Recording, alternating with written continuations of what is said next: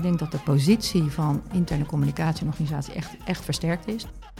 Dat communicatie als woord af te leiden is van twee begrippen in het Latijn. En die geven heel mooi aan het verschil tussen hoe je communicatie kan benaderen.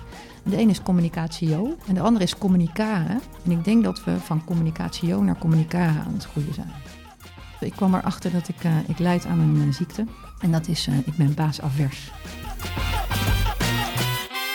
Welkom bij uh, een nieuwe editie van Yellow Chat, de podcast van Evolve. Mijn naam is Bram Koster en naast mij zit gewoontegetrouw weer Peter Haan. En wat fijn dat ik er weer mag zijn, Bram. Ja, altijd fijn. Um, Peter, we hebben vandaag een in jouw ogen ongetwijfeld speciale gast. En waarom precies? Nou, uh, uh, de gast die we vandaag hebben is eigenlijk de reden dat we hier überhaupt met z'n allen zitten. Want uh, de gast heeft nu bijna acht jaar geleden, denk ik, me benaderd en gezegd van... joh, zullen we niet gewoon iets samen gaan doen? En daar is uiteindelijk Evolve uit ontstaan. Dus ik vind het eigenlijk onwijs leuk dat ze er is. Ja, en die zei, dat is Ilse van Ravenstein. Hey. Ilse, welkom. Yay. Ja, we moeten even een applausband eronder zetten doen we voor de volgende Fijn. gast. Toen jij zo die teksten net sprak, uh, Bram, toen uh, kwam het een beetje over als, uh, als iets wat ik zou kunnen zeggen tegen mijn zoon. Ja? Ja, of wat Peter zei. Ja. Oeh. Nou, jij zei volgens mij, zonder jou waren we er niet geweest. jij bent de moeder van Evolve in die zin. Nou, wie weet. Ja, ja, precies. Wie weet. Of in ieder geval de baarmoeder. Ja. nou, fijn. Maar het voelt goed, Bram, dank je. Ja, en uh, Ilse van Ravenstein is met name bekend in de interne communicatiewereld en in de communicatiewereld als oprichter en directeur van Involve. En uh, misschien is het handig als je heel kort vertelt wat Involve doet. Ja, nou, Involve is uh, gespecialiseerd in interne communicatie en communicatie en change eigenlijk. En dat doen we voor, ja, ik zeg altijd van de grootste organisaties, grote multinationals, tot mijn kleinste klant, gemeente Tessel. En uh, voor vraagstukken die gaan over uh, strategie, verandering en uh, samenwerking. Oké. Okay. En Involve en Evolve liggen niet alleen qua naam heel dicht bij elkaar, maar ook gewoon in de dagelijkse gang van zaken, toch? Peter? Zeker. Precies. Ja, is vooral dat we elkaar lekker kunnen aanvullen in allerlei opdrachten. Ja. Dus was het hoog tijd om jou hier aan uit te nodigen in de, onze podcast. Ja. Um, en daar is ook nog eens een hele mooie aanleiding voor, want Involve bestaat 25 jaar. Dat klopt. Ja, en dat, uh, dat moet gevierd worden. Dat gaat het ook worden. En daar gaan we ja. het ook later uh, in deze podcast over hebben. Ja, cool. Um, maar bij 25 jaar kom je er niet aan om ook even terug te kijken. En um, dat heb ik gedaan door in jouw uh, profielen te duiken online. En um, het eerste wat me opviel was op Twitter geef je jezelf in, in je bio beschrijf je de passie voor interne communicatie. Ja. Wat is die passie en waar komt die vandaan? Goed gevonden, Bram. ja. Het staat er vrij prominent hoor. Oh, ja. het is al even geleden dat ik dat heb opgeschreven, maar gelukkig klopt het nog steeds. Oké. Okay. Hoe dat gekomen is, ik heb me eigenlijk altijd enorm verwonderd over hoe mensen tegen elkaar doen. Um, hoe ze met elkaar omgaan, hoe ze op elkaar reageren. En dat is voor mij aanleiding geweest om uh, ooit eens lang geleden sociologie en later communicatie te gaan studeren. En toen ik met uh, communicatie in organisaties kwam, toen kwam daar een geheel nieuwe dimensie bij, namelijk hoe mensen tegen elkaar doen in organisaties. Want dat is nog een tandje uh, bijzonderder dan in, in, het dagelijks leven. En dat komt denk ik omdat hiërarchie en ik noem het maar even protocollen maken dat we nog weer op andere manieren met elkaar omgaan. En toen dacht ik, daar wil ik iets aan doen. En zo ben ik dus bij interne communicatie gekomen. Oké, okay, want jij denkt die protocollen en dergelijke, daar kan ik die kan ik slechten, waardoor we weer normaal gaan doen tegen elkaar? Is nou, ik kan op zijn minst agenderen dat we weer normaal moeten doen met elkaar. Ja. En, en, in iedere opdracht waarin ik uh, mee mag helpen of mee mag denken, zal ik ook altijd uh, op zoek gaan naar uh, wat al die mensen weten en kunnen in organisaties. Dat zou een beetje jammer zijn als we dat verloren laten gaan. Oké. Okay. Um, dat is 25 jaar geleden had je die realisatie een beetje. Dat was goed, neem ik aan. En toen dacht je van, ja. ik ga maar iets in interne communicatie doen. Is dat zo gegaan? Of, hoe? Ja, je begint in de PR en voorlichting. Hè? Dat, zo heette dat vroeger. Ja. Dus, uh, zo en, en, maar dan kom je erachter dat er dus uh, uh, ja, dat er mensen werken. En dat die mensen heel bepalend zijn in hoe de buitenwereld naar ze kijkt. En dat is pas later door veel organisaties ontdekt. Daarom ja. werd interne communicatie ook steeds uh, populairder en werd er belangrijker gevonden. Dus uh, het, het, adagium is buiten winnen is binnen beginnen. jij bent eerst naar buiten gegaan qua functie en toen dacht je van ik ga naar binnen? Maar het was meer omdat er niks anders was. Je, ik, ik, ik, als ik het had kunnen kiezen had ik het misschien wel gedaan. Ja. want die externe kant, die massacommunicatiekant heeft me nooit zo geboeid. Ehm, en ik ben al heel veel management- en organisatievakken gaan doen. En, psy- en reclamepsychologie en dat soort dingen. Dus die kant vond ik interessanter. Ja? Maar voor mij is het echt gekomen door wat ik zelf meemaakte in organisaties. Ja. En eh, dat is ook de reden waarom ik ben weggegaan trouwens. Hè, dus, eh, Bij die baan die je bij dan die organisaties. Ja. En er was, ik kwam erachter dat ik, eh, ik leid aan een ziekte. En dat is, ik ben baasavers. Oké. Ja, ik kan daar niet mee omgaan met bazen. Zijn daar pillen voor? Ja, ik, ik heb het wel gezocht. Hoezo? Ja. Hoezo, Bram? Heb je... Ik zeg We- niks. Precies. Dit is even een onderrondje. Ja, ik snap het. En toen dacht je Ja. van nou, dan, uh, Dan met, ga ik het maar zelf doen. met baasaversie, dan Ja. moet ik maar Ja. baas worden. Nee, dat heb ik nooit gedacht. Nee? Dat weiger ik ook. Oké. Ja. Oké, dus je staat aan het hoofd van Evolve, maar je bent niet de baas. Nee, maar het is maar hoe je het framet. Ja, dat is waar. Ja. Een goede communicatieles. Ehm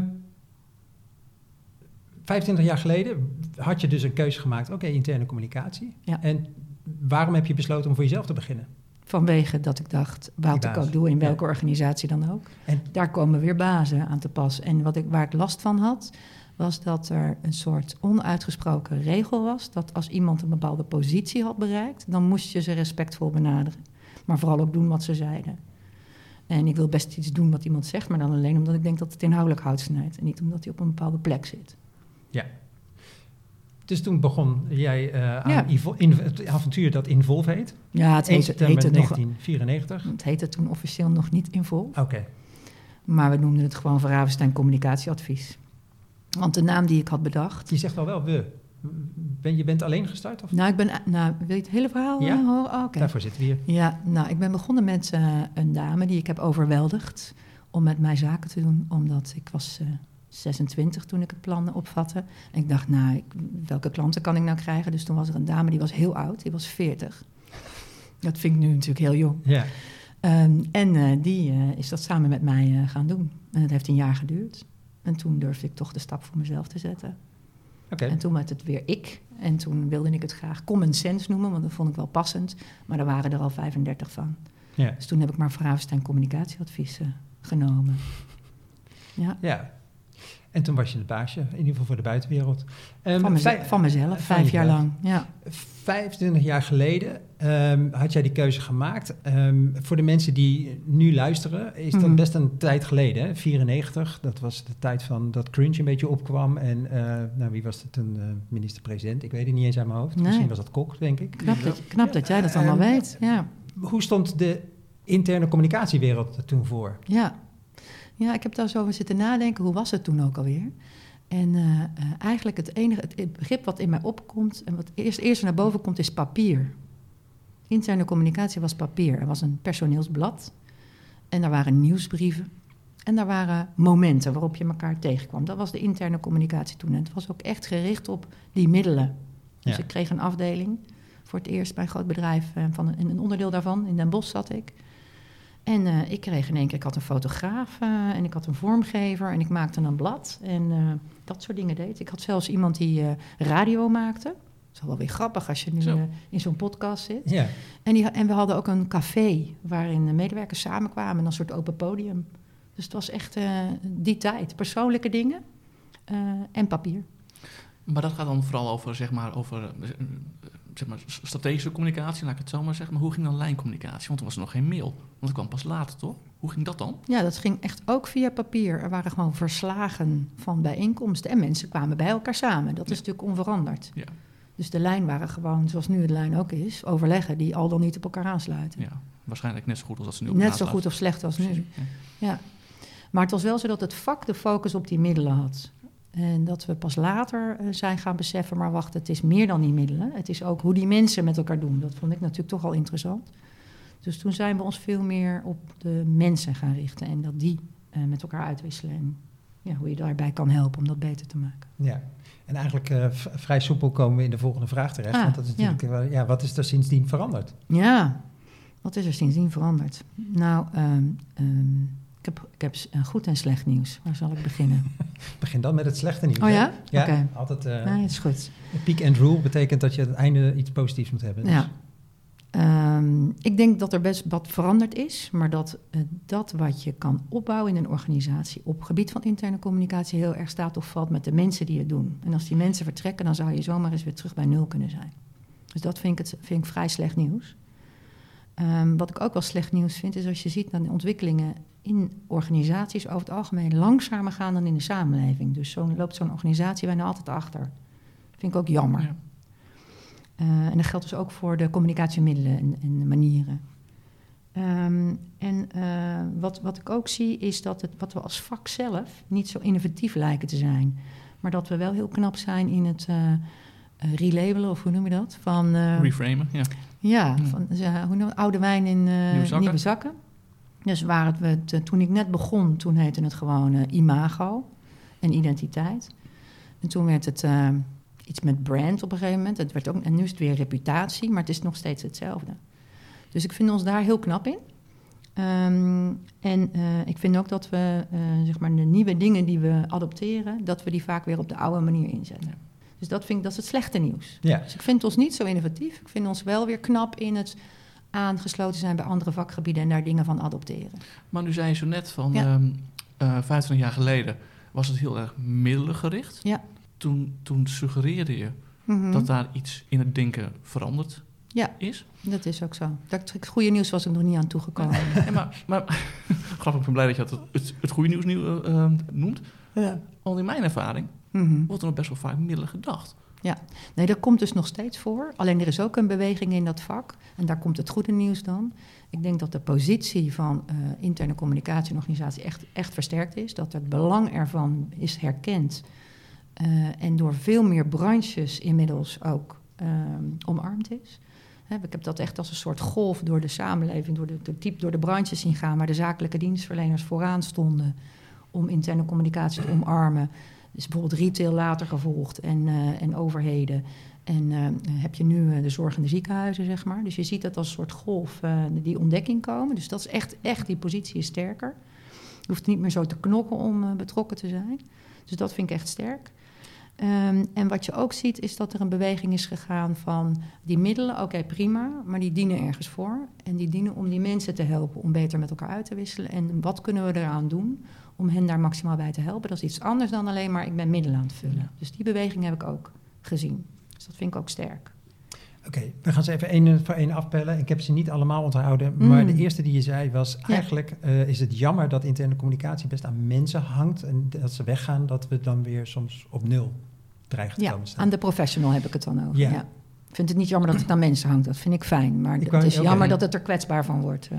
Ja, maar geldt dat niet voor... Ik bedoel, dat, dat- geldt net zo goed voor andere disciplines dan, toch? Of Ja. is dat... Ja, ik weet ook niet of het voor anderen anders is per se. Maar ik heb altijd het idee of dat ik wat, eh, wat jaloerser kan kijken naar ICT of HR. Die, die misschien al wat langer eh, bouwen aan die professie. Ja, En zodra ze een hard aspect in kunnen brengen in een directiekamer, dan is die wat blijvender. Ja. Dus als eh, eh, HR kan zeggen, ik, kan, ik ga voor de CAO-onderhandelingen, daar is geld, mee gemoeid. Dan, heb je dus een, dan ben je here to stay, zeg maar. Ja.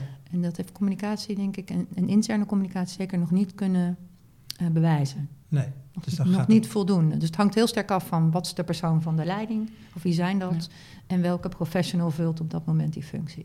Ja, en dit betekent dat ook dat ehm, een IT-afdeling is vaak groot en een Ja. interne communicatieafdeling een stuk kleiner. dat is dus ook zo. het relatieve verlies van één persoon is ook Ik denk dat body, body best uitmaakt, zeg maar. Dus. En dan hoe- komen we toch weer op die discussie over eh, accountability uit, Mhm. toch? Eh, Dat de- het effect van interne communicatie nog steeds lastig of in ieder geval te weinig aantoonbaar is. Ja, ik weet niet of dat dan wordt. weet je, als je het dan eh, een business case zou kunnen maken, of het daarmee dan eh, eh, hè, wel definitief eh, eh, to stay is. Maar eh, het is vaak ook gewoon geloof. Ja, Geloof ik erin en hoe sta ik tegenover mijn mensen? oké.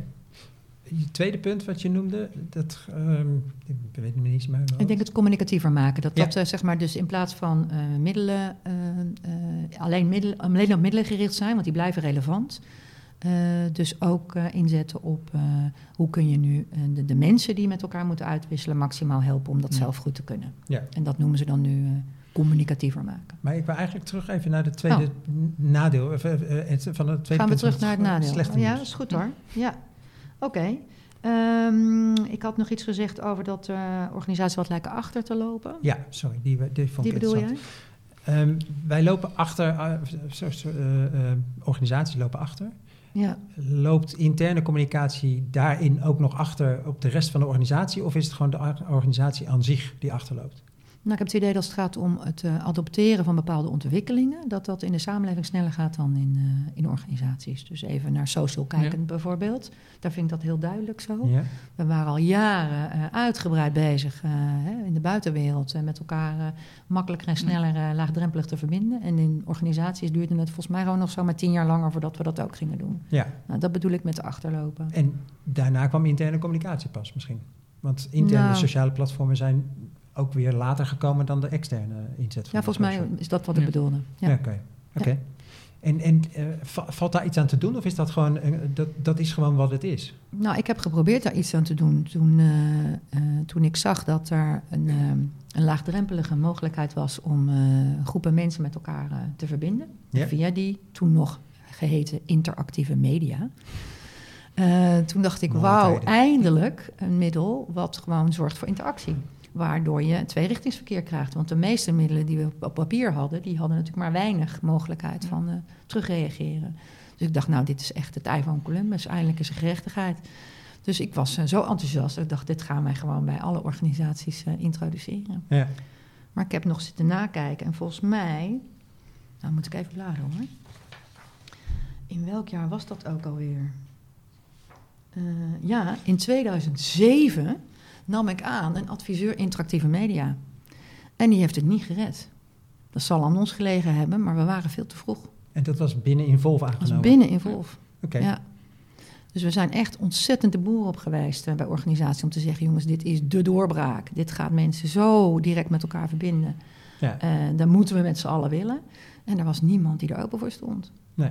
Dus toen hebben we die, dat experiment geëindigd. En toen ben ik vijf jaar gefrustreerd in een hoekje gaan zitten rond dit onderwerp. En toen kwam ik Peter tegen. Ja. En toen werd een, de, een klant ander bedrijf geboren. Precies. Precies. Ehm, Hm. nog, we- blijven nog even in het slechte nieuws. Oh. Jouw derde punt. Ja, Jeetje. we gaan straks heel uitgebreid over het po- positieve nieuws. Oké. Ehm, Je begon er zelf mee, dus nu gaan we er even door. Nee, ik vind het goed. Eh, dat we als vak niet zo innovatief zijn? Ja? Of wilde je nog naar iets anders? Nee, jouw derde punt. Je, dat, je Ja, had vier punten volgens mij. eh, Ah ja. Oké. we, zijn niet zo innovatief.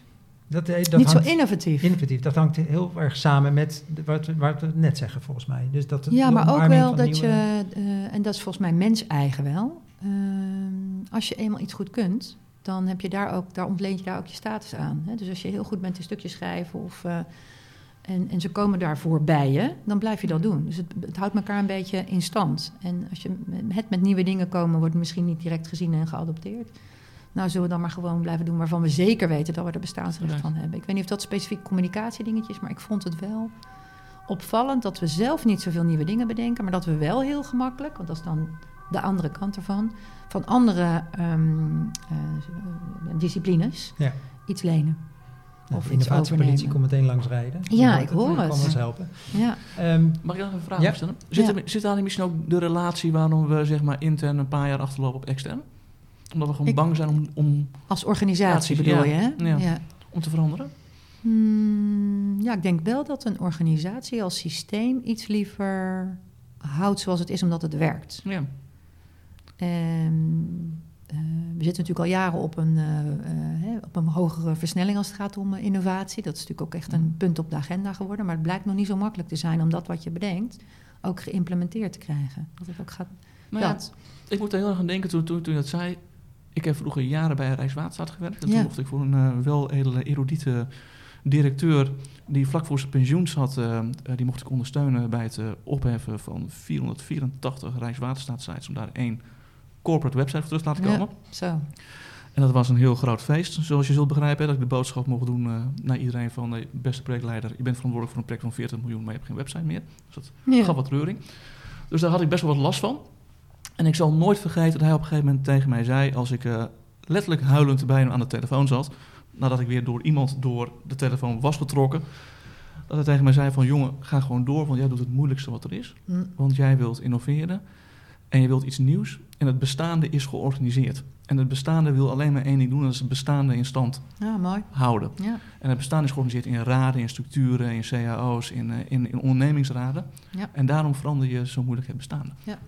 En daarom ja, ook een beetje dat, ik denk dat het, eh, dat het organisatorisch zo Ja. werkt, maar het Ja. werkt ook als mensen zo. Dat als je eenmaal iets onder de knie hebt, eh, dan automatiseer je het.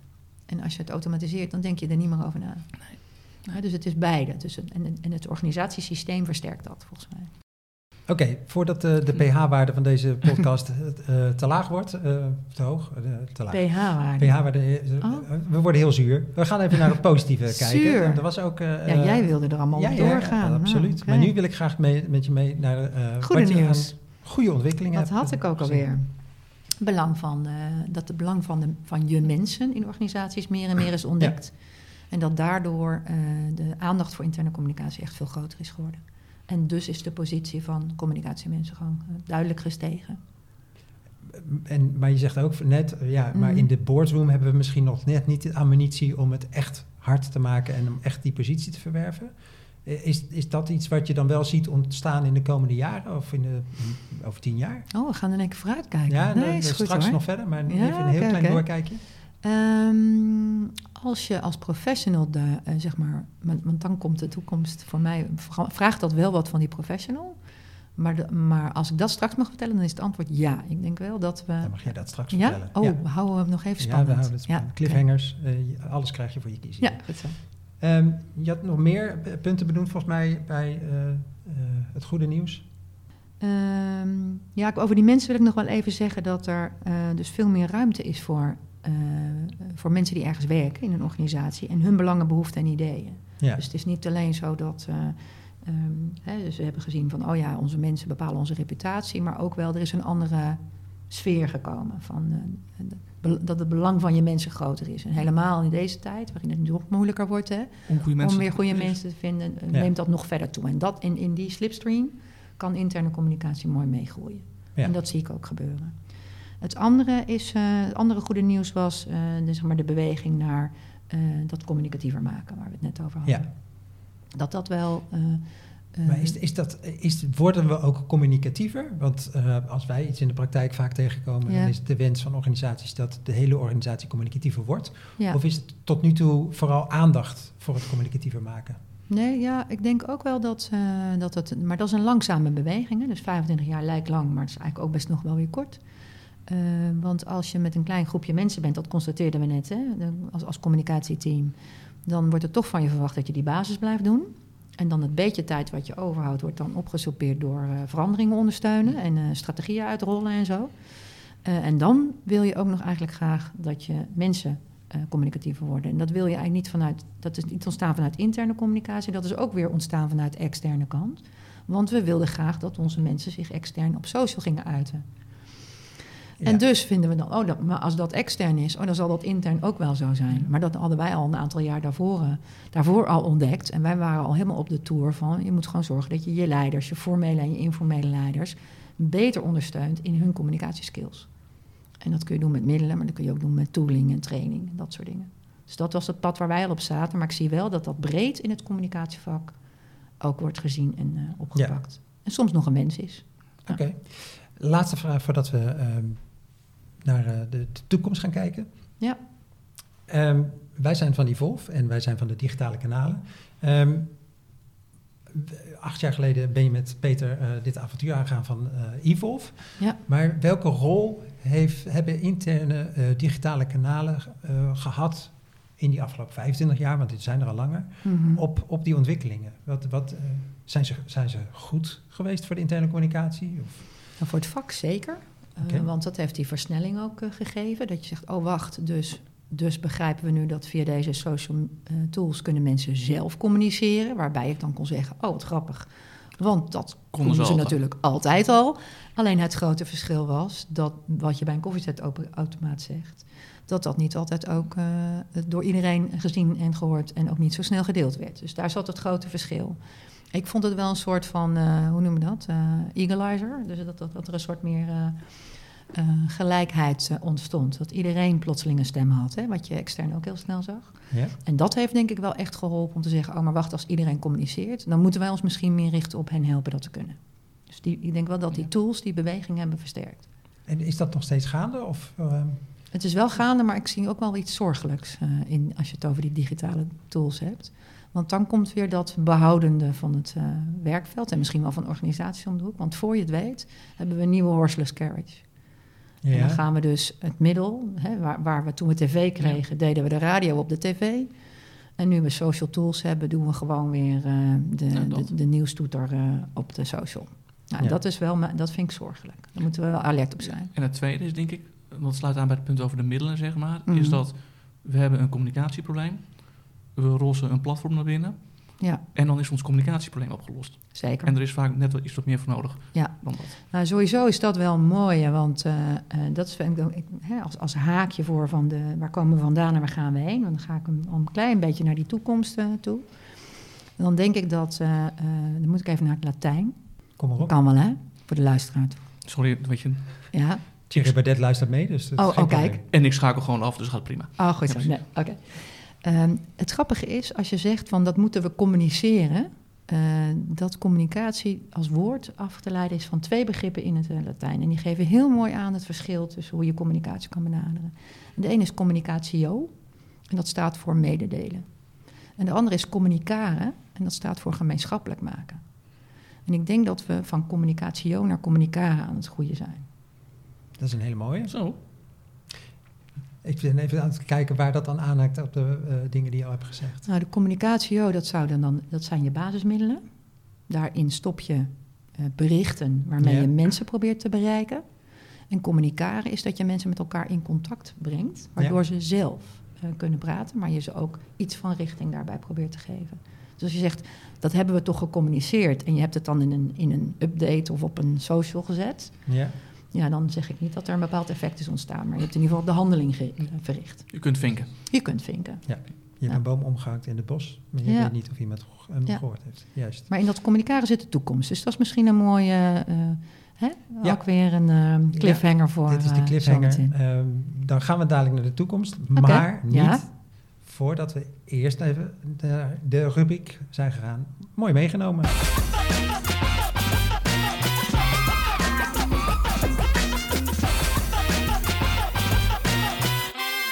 In de rubriek Mooi meegenomen vragen wij altijd aan een gast om iets mee te nemen dat hen inspireert of, eh, en dat hopelijk de eh, luisteraars ook kan inspireren. En in die categorie, Ilse, wat heb jij voor ons en voor onze luisteraars meegenomen? Ja, Eh, ik heb een boek meegenomen.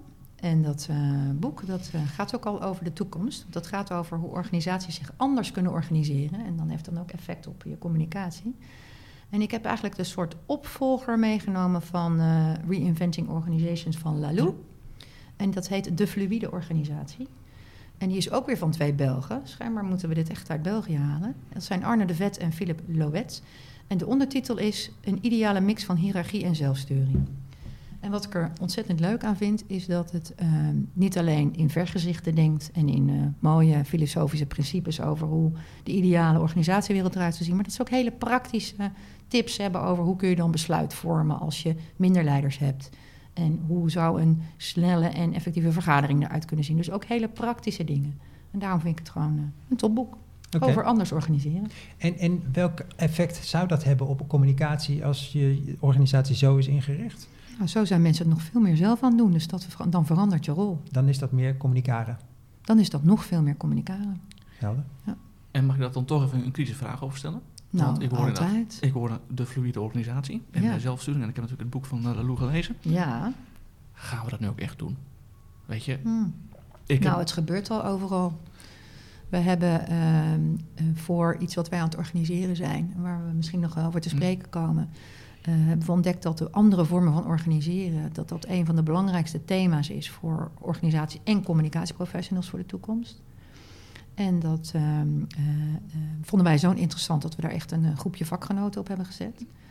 En die hebben ehm, ontdekt en ook heel veel interviews gehouden in organisaties. In twaalf organisaties eh, zijn we gaan praten. Dat er eigenlijk al geen normale of ouderwetse organisatie meer is. Dat er alleen nog maar hybride vormen van organiseren zijn. Dat ze overal elementen van lean, agile en zelf- zelforganisatie hebben vermengd met de meer traditionele vormen Ja. van organiseren. Dus het is niet meer of het gaat gebeuren. Nee, het is gebeurd. Alleen de vraag is even, wat heeft het voor consequentie? Wat heeft het voor effect op de gemeenschappelijkheid? En dat was ook meteen onze hoofdvraag. Dat snap ik. Maar wat je inderdaad zegt, is, is de vermenging, de hybride. Want Ja. waar Ja, je bedoelt 100% anders. Nou ja, weet je, we, we- we- we- we kennen elkaar al tien jaar, zeg maar, dus je Mhm. weet een beetje Ja, hoe ik, eh, hoe, hoe ik ben en eh, waar ik altijd een beetje pukkeltjes eh, van, van krijg, zeg maar. Ik Mhm. hoorde een paar jaar geleden, het wordt allemaal anders. We gaan allemaal, zeg maar, over op ja. holocracy en dat soort dingen allemaal. Mhm. En daar zijn volgens mij ook best wel een paar succesvolle vo- voorbeelden van. ja. Maar in de praktijk zie je toch vooral inderdaad die hybride vormen. Dat ze inderdaad Ja. zeggen, we hebben nog wel een traditionele structuur, maar daarbinnen hebben we cellen, elementen, Ja. et cetera. Ja. En dat geloof ik ook wel, ja. Ja, maar daarvoor heb je wel iemand nodig, een visionair, die het neerzet als een soort walhalla. Eh, zodat we er allemaal achteraan willen lopen om er stukjes van Ja. te pakken. Want dat vinden organisaties ook heel fijn. Hè? Als er een cultureel antropoloog op staat die zegt... eh, we moeten van alles met kampvuren, Ja. dan doen we dat ook. Ja, of met, of met blauwe ballen. Ja, Nou, en die visionairs, dat zijn Arne de Vet en Philippe Loet. eh, de schrijvers van het boek De Fluïde Organisatie, een ideale mix van hiërarchie en zelfsturing. Uh, dankjewel uh, Ilse voor het meenemen. graag gedaan.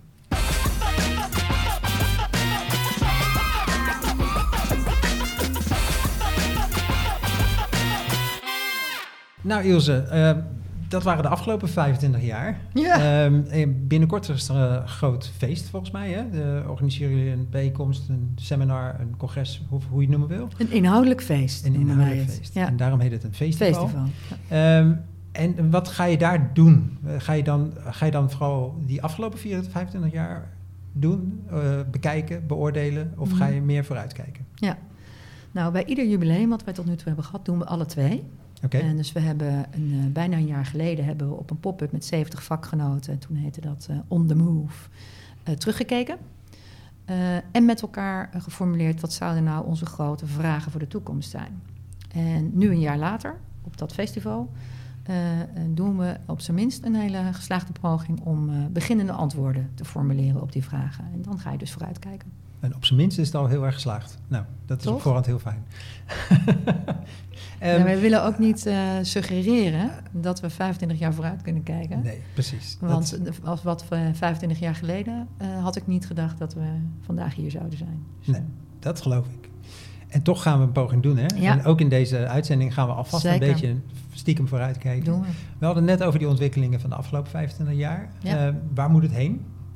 Nou, wat, uh, wat, onze vakgenoten hebben gezegd, aan, wat ze aan ontwikkelingen zien, hè, waar zij van denken dat is echt een uitdaging, is uh, die andere vormen van organiseren. Dat dat nog meer uh, hè, zal plaatsvinden in organisaties, maar ook dat dat weer nieuwe uitdagingen met zich meebrengt. Want als de een al volledig agile werkt en de ander blijft nog wat meer traditioneel hiërarchisch georganiseerd, ja. ja hoe blijven die twee dan met elkaar verbonden? Um, dus dat vonden ze een, een, kwestie. Ze vonden de technologische ontwikkelingen niet zozeer een uh, probleem, maar eerder een wow, dat komt er allemaal aan en wat betekent dat voor ons? Wat kunnen we daarmee?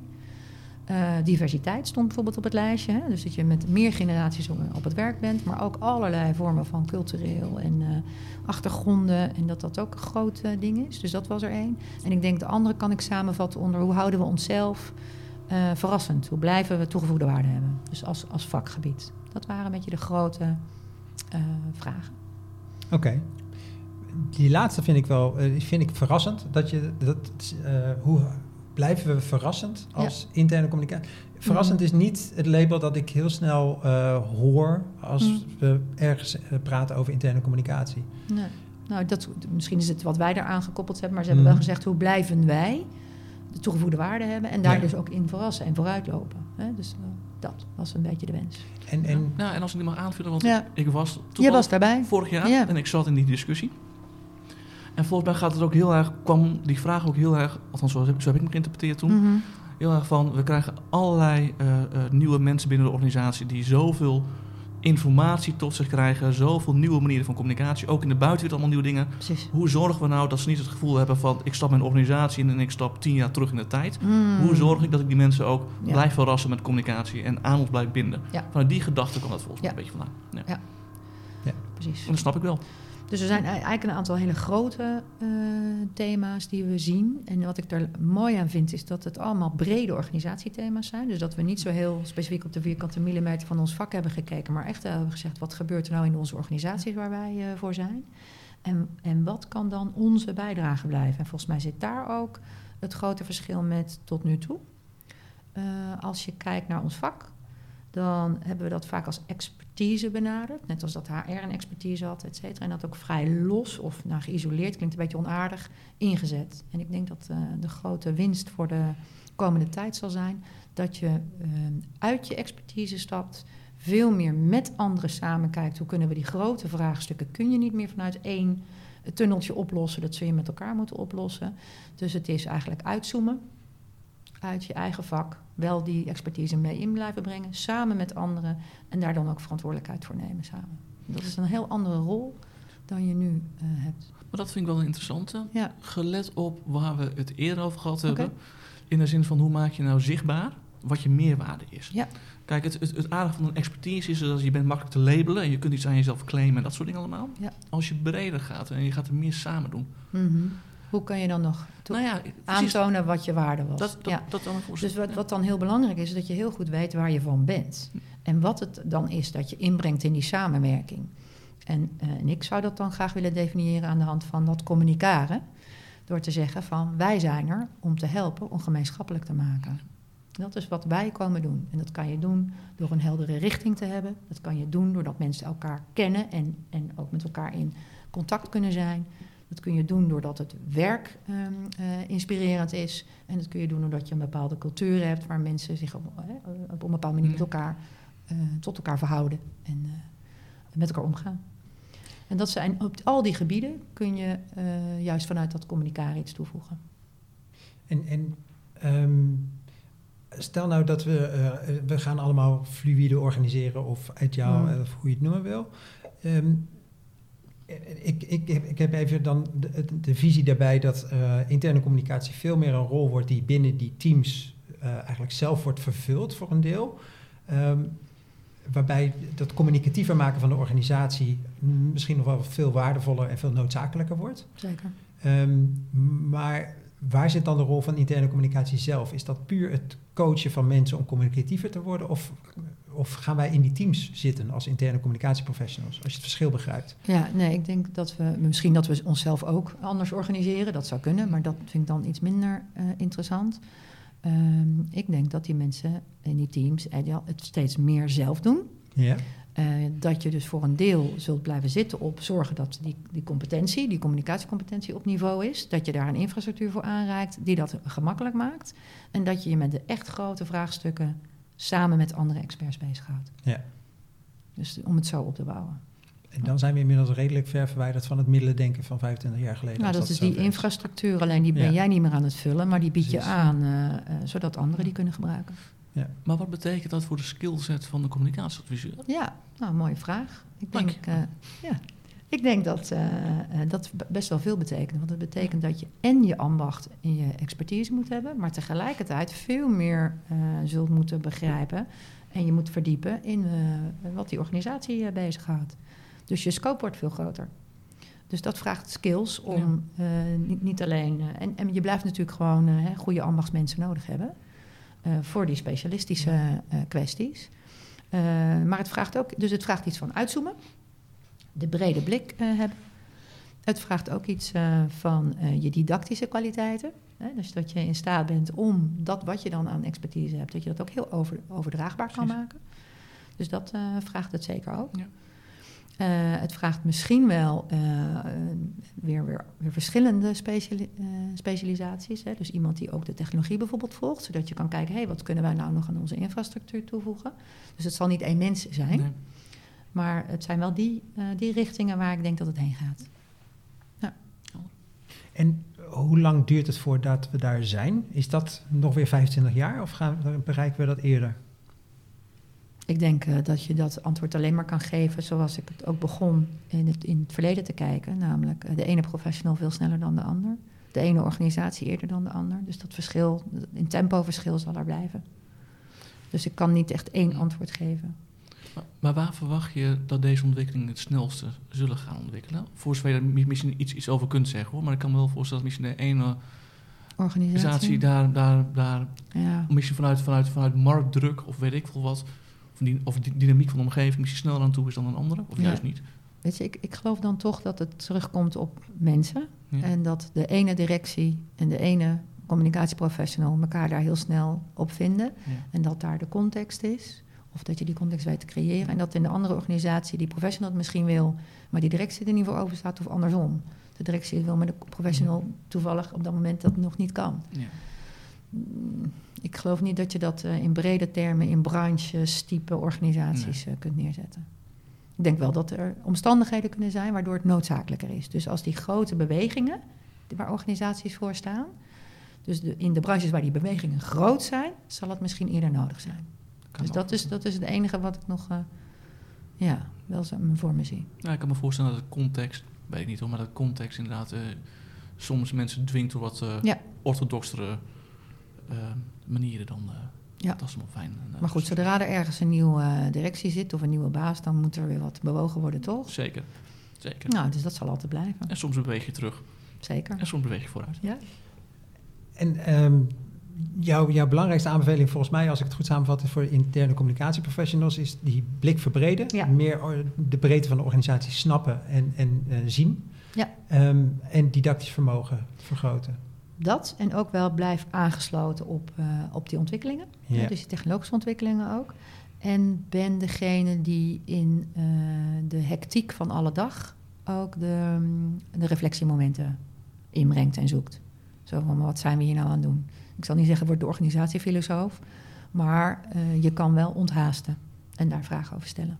Ja, je beschrijft best wel een forse verandering, waarin mensen eh, anders in de organisatie moeten gaan staan, anders naar de organisatie moeten gaan kijken, Ja. zichzelf moeten gaan bijspijkeren op bepaalde onderdelen wellicht. Dus Ja. Misschien zijn sommigen er al klaar voor.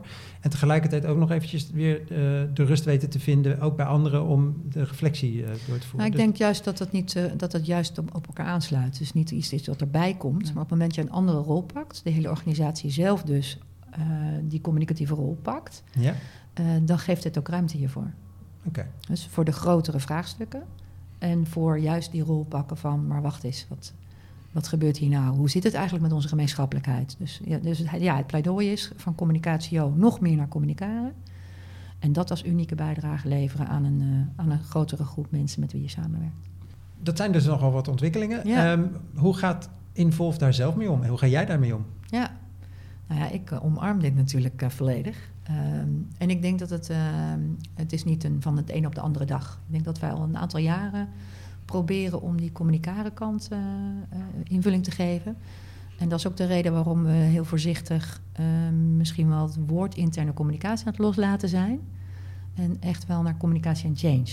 Eh, omdat change is natuurlijk wel echt hetgeen het meeste aanleiding geeft om communicatie in te zetten dat we dat wel steeds meer zijn gaan doen ook al. Eh, dus eh, ja, ik kan hier niet op wachten. Ik vind het fantastisch eh, om... Is het dan nog wel interne communicatie en change of is het communicatie en change? ik heb het communicatie en change genoemd. Maar niet omdat we daarmee per se zeggen... we doen ook naar buiten toe. Nee? Maar meer omdat het woord interne communicatie... in organisaties een beperktere definitie oproept. Namelijk de communicatio-definitie. En dat helpt ons niet. Dus eigenlijk hebben we interne communicatie zijn PR niet op orde. Ehm, mag je zo definiëren? Zijn we toch weer terug bij de PR-medewerker van het begin. Zeker, ja. Maar ik denk dat het zo, eh, eh, zo diep geworteld is. Want we hebben 25 jaar ons best gedaan om eh, interne communicatie die brede inhoud en die brede betekenis te geven. En we merken dat het ons gewoon niet helpt en vooral niet helpt om impact te hebben. En dat is wat, waarvoor we natuurlijk die organisatie inkomen. En als je dan eerst lang moet kissenbissen over eh, moeten we nou wel of niet eh, de communicatie doen. Ja. En er is nog zoveel meer mogelijk. Dan is dat zonde, want dan sta je op achterstand. Dus wij denken dat je gewoon veel meer impact hebt als je directer binnenkomt op eh, waar het om gaat. Helder. Ehm nou is 25 jaar bestaan natuurlijk Ja. een reden voor een feestje. Je noemde het al, het festival. Ja. Wanneer gaat dat plaatsvinden en wat houdt het precies in? Ja, nou, dus op 26 september aanstaande hebben we een hele rijke, inhoudelijk rijke middag in Media Plaza in Utrecht. En eh, we hebben een fantastische keynote van Lijke van Os. Zij is eh, een van mijn verandergoeroes. En gaat haar een blik werpen op anders organiseren en gemeenschappelijkheid. Hoe kan het ook anders na dit gesprek? Ehm, en, en als vervolg daarop eh, eh, gaan we, hebben we een aantal deep dives... waarin we echt op technologie ingaan. Onwijs Op gave, technologie. onwijs gave deep dive. Heel leuke eh, deep dive... waar we onder andere ook Peter zullen tegenkomen. Toch wel, hè? Ja, zeker. Ik vermoedde al zoiets. Ja, en dan hebben we een deep dive in change. Ook echt, echt wel het topic van, eh, van nu. Eh, en Erik Reiners en ik zullen anders organiseren. En dan, hoe doe je dat dan concreet vanuit je communicatievak eh, doen? En dan hebben we ontzettend leuke eh masterclasses. Die gaan bijvoorbeeld over data in accountability, over communicatiever maken, over interactieve, interactieve interventies en over rituelen in organisaties. Kortom, Kortom, een inhoudelijk feestje. zeker. Heel mooi. V- eh, 26 september eh, in Utrecht kunnen mensen die dit horen en denken van... hé, hey, dat is leuk, daar wil ik bij zijn. Dat Ja. ook, daar ook bij zijn? Het kan nog steeds. Oké, waar moeten ze dan Eh, zijn? Ja, waar moeten ze zijn? Ze moeten zijn op www.involve.eu en dan slash festival. Nou, dan vindt iedereen zijn weg wel. Ehm, Ilse, gefeliciteerd nogmaals met het Ja. 25 jaar bestaan van Evolve. Dankjewel. Ehm dankjewel dat je hier bent langsgekomen om je visie te geven op de afgelopen en de komende 25 jaar. Of in ieder geval de komende jaar. Eh, Ja. En heel veel plezier op je festi- festival, moet ik even zeggen, feestje, op je festival. Ja, nou, ik hoop je te zien. Ja, ik eh, ben daar graag bij. Peter, eh, jij ben- bent er ook bij? Ik ben ook graag bij. Dan zie ik je daar weer. Gezellig. Of anders weer achter de microfoon voor een nieuwe aflevering van Yellow Chat. En hopelijk ben jij als luisteraar daar ook weer bij. Dus tot de volgende. Hoi.